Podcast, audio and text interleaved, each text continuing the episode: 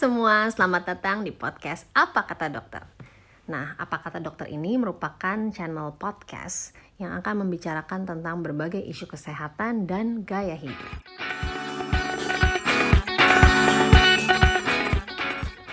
Dan di episode yang pertama ini kita akan membahas mengenai coba tebak. Coronavirus.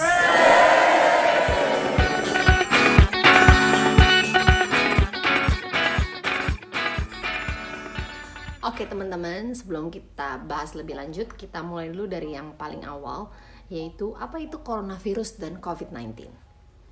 Jadi coronavirus adalah nama dari virus yang sebenarnya sudah lama ada baik di hewan maupun di manusia.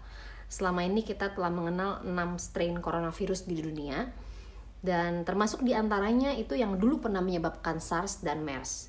Nah, saat ini telah muncul strain yang ketujuh, dan ini yang kita sebut sebagai novel coronavirus atau SARS-CoV-2. Tapi di uh, podcast ini uh, saya akan sebut sebagai coronavirus saja, biar nggak kepanjangan ya. Sedangkan COVID-19 ini adalah nama penyakit yang disebabkan oleh coronavirus itu.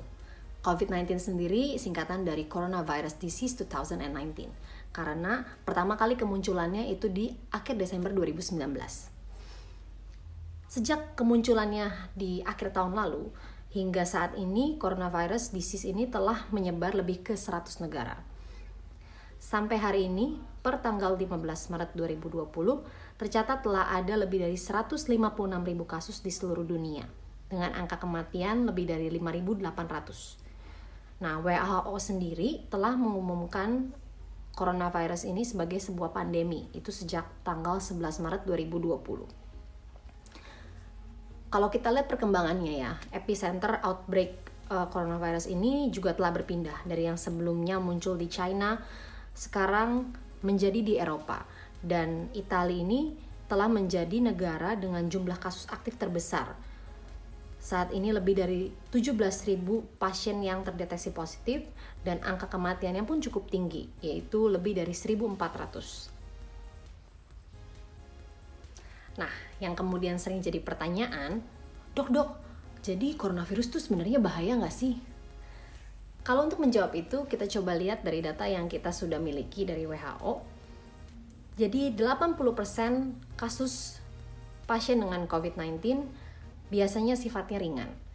15% moderate atau sedang, dan 5% ini critical atau kritis. Nah, sebagian besar kasus sebenarnya akan sembuh sendiri. Tetapi pada pasien-pasien yang memiliki resiko uh, penyakit yang lebih, misalnya pasien usia yang tua atau pasien dengan penyakit penyerta seperti diabetes, darah tinggi, penyakit ginjal, kemudian penyakit autoimun, kanker dan lain sebagainya. Inilah kelompok-kelompok yang memiliki faktor resiko lebih untuk terjangkit penyakit yang lebih berat. Kalau kita lihat dari data yang dikeluarkan oleh World Ometer, sebaran usia pasien yang memiliki resiko tertinggi adalah di atas 80 tahun. Itu mencapai 14,8 persen. Sedangkan pasien-pasien yang usianya lebih muda, bahkan di bawah 40 tahun, resikonya hanya sekitar 0 sampai 0,2 persen.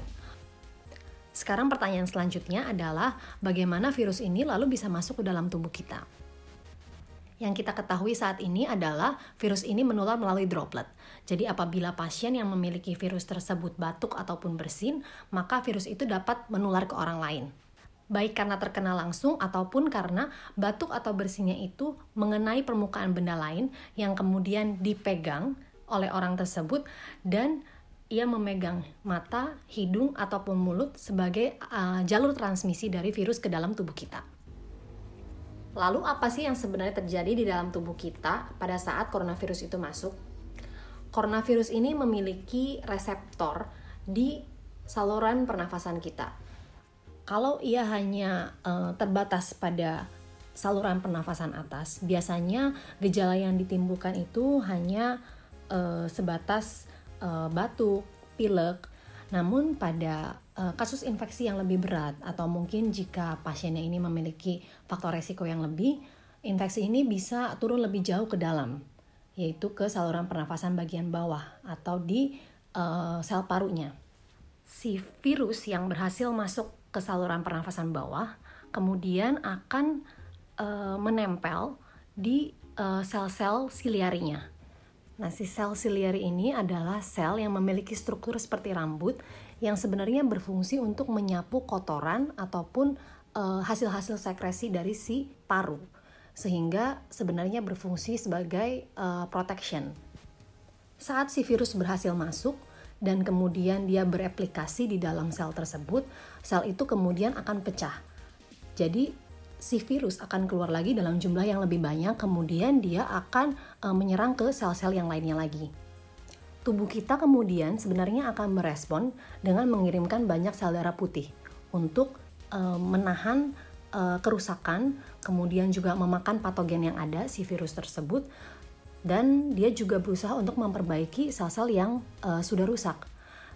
Dan kalau proses ini berjalan dengan baik, kemudian dalam beberapa hari uh, infeksi ini akan clear up sendiri.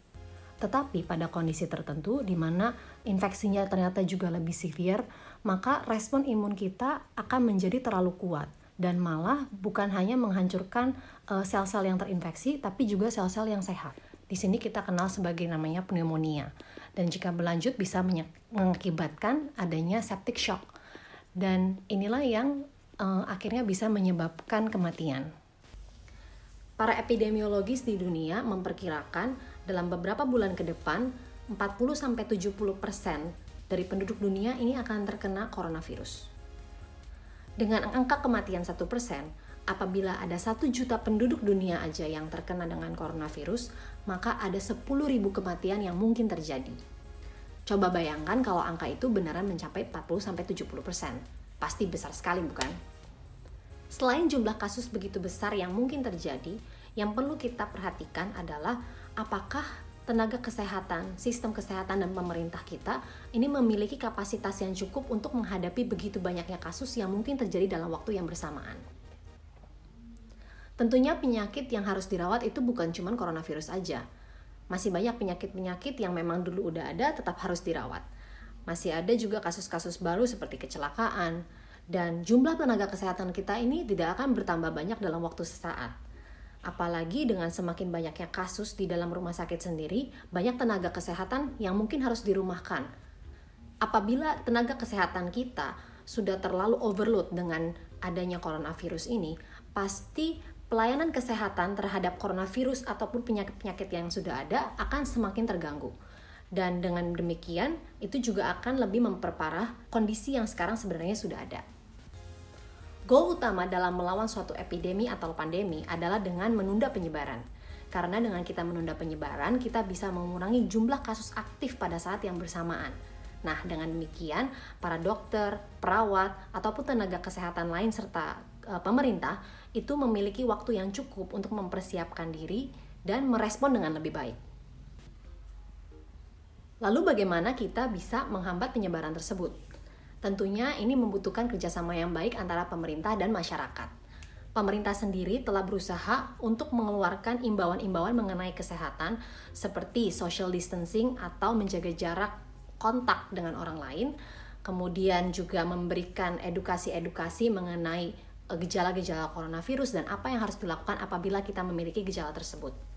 Kemudian pemerintah juga memberikan kebijakan-kebijakan seperti meliburkan sekolah, kemudian membatasi aktivitas-aktivitas yang melibatkan kerumunan orang, serta menutup beberapa tempat-tempat wisata agar menghindari terjadinya pusat-pusat epicenter baru di uh, Indonesia.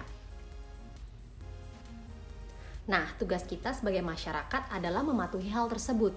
Jadi, dengan diliburkan sekolah atau mungkin beberapa yang diperbolehkan kerja dari rumah, ini bukan saatnya kita untuk berlibur atau malah jalan-jalan keluar dan kumpul-kumpul karena tujuan utamanya adalah membatasi kontak antara satu manusia dengan manusia yang lain. Apalagi jika kita dalam keadaan yang kondisi tidak sehat.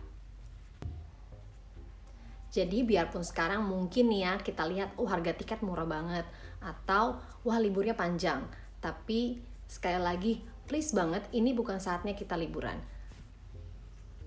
Sampai saat ini belum ada obat yang ditetapkan sebagai terapi khusus dari coronavirus. Nah, karena itu yang paling penting adalah pencegahannya. Bagaimana kita bisa mencegahnya? Yang pertama adalah dengan mencuci tangan. Mencuci tangan yang terbaik adalah dengan air dan sabun selama 20 detik. Namun apabila tidak bisa, kita juga bisa menggunakan hand sanitizer. Mungkin ada yang bertanya, kenapa virus yang begitu hebat dan bisa mematikan bisa mati cuma sekedar dengan sabun cuci tangan? Ini kembali ke struktur virus itu sendiri. Virus terdiri dari tiga komponen utama. Yang pertama adalah RNA sebagai materi genetik, kemudian lapisan protein, dan terakhir adalah lapisan dari lemak yang sebagai selubungnya dia itu. Nah, kulit manusia adalah tempat yang ideal bagi si virus jadi, di permukaan kulit kita ada protein dan juga asam lemak yang merupakan tempat si virus berdiam. Air sabun akan membentuk komponen yang menyerupai lemak yang kita sebut sebagai amphifil dan strukturnya ini sangat mirip dengan lipid yang ada di selubung virus tersebut. Jadi, sabun ini akan melemahkan ikatan antara virus dengan kulit kita serta ikatan-ikatan yang menahan RNA, protein, dan lipid tadi di dalam virus itu. Tetapi apabila kita mau menggunakan hand sanitizer, pastikan bahwa alkohol yang kita pakai itu minimum sebesar 70%. Yang kedua, apabila kita sedang sakit, kita harus sadar untuk mengurangi kontak dengan orang lain dan juga pergi ke dokter segera apabila memang gejala-gejalanya ini sudah menyerupai gejala-gejala coronavirus biarkan dokter yang menilai apakah kita perlu dites mengenai coronavirus atau tidak. Kemudian kita juga harus memberikan informasi yang lengkap apakah kita memang memiliki resiko penularan dari orang lain atau adanya riwayat bepergian serta siapa-siapa saja orang terdekat kita yang sudah pernah berhubungan dengan kita. Nah, hal ini penting agar kita bisa membantu para tenaga kesehatan serta pemerintah melakukan tracing siapa saja kemungkinan orang-orang yang juga terkena penyakit tersebut. Dan tentunya apabila kita sedang sakit, kita harus menggunakan masker agar mengurangi resiko menularkan kepada orang lain. Nah, yang sebenarnya masih jadi banyak perbincangan adalah, jadi sebenarnya perlu nggak sih dok kita pakai masker? Balik lagi ke tujuannya. Kalau tujuan kita adalah untuk mencegah penularan, jadi kita nggak mau menularkan ke orang lain, maka tentunya itu perlu sekali. Tapi kalau agar tidak terkena dengan coronavirus, ini sebenarnya tidak terlalu efektif. Kenapa? Karena masker itu hanya bisa menahan droplet. Selain itu, virus juga bisa menempel di permukaan masker. Sehingga kalau setelah kita memakai masker dan kita mau membuka atau mungkin kita mau membuang dan tangan kita menempel pada permukaan masker, bisa saja virus tadi malah berpindah ke tangan kita. Tapi bukan berarti penggunaan masker ini nggak penting ya, karena pada pasien-pasien yang beresiko tinggi tertular, akibat kontak yang dekat ataupun juga tenaga kesehatan itu wajib menggunakan masker atau alat pelindung diri lainnya. Tetapi jangan sampai karena kita terlalu panik, kita jadi overbuying, kita menimbun masker, sehingga orang-orang yang sebenarnya membutuhkan masker malah jadi tidak mendapatkan masker. Dengan begitu kita justru malah meningkatkan resiko penularan penyakit di komunitas kita sendiri. Sekali lagi, ini bukan untuk menyebar ketakutan atau membuat kita panik diam di rumah aja kita masih boleh kok keluar rumah asalkan kita bisa menjaga diri kita sendiri dan kita juga bertanggung jawab untuk tidak menyebarkan kepada orang lain. Kita harus sadar bahwa inilah tanggung jawab kita bersama. Mungkin kita nggak akan terkena penyakit ini. Mungkin kalaupun kita terkena, kita juga nggak akan kenapa-napa. Tapi kita harus sadar bahwa ada kelompok-kelompok masyarakat yang lebih rentan terkena penyakit ini dan bahkan bisa menimbulkan resiko kematian. Dan ini kembali lagi ke kesadaran kita dan kepedulian kita. Apakah kita mau menjaga kelompok-kelompok masyarakat tersebut? Dan last but not least adalah menjaga kesehatan kita sendiri. Jangan sampai karena kita sendiri lagi drop, kita jadi lebih gampang terserang penyakit tersebut. Jadi tetap makan yang teratur, kemudian tidur yang cukup, dan olahraga. Oke, sekian dulu sharing tentang coronavirus dari saya. Semoga bisa bermanfaat bagi teman-teman. Semoga kita juga bisa sama-sama membantu mencegah penularan coronavirus, terutama di Indonesia. So, thank you for listening dan salam sehat selalu.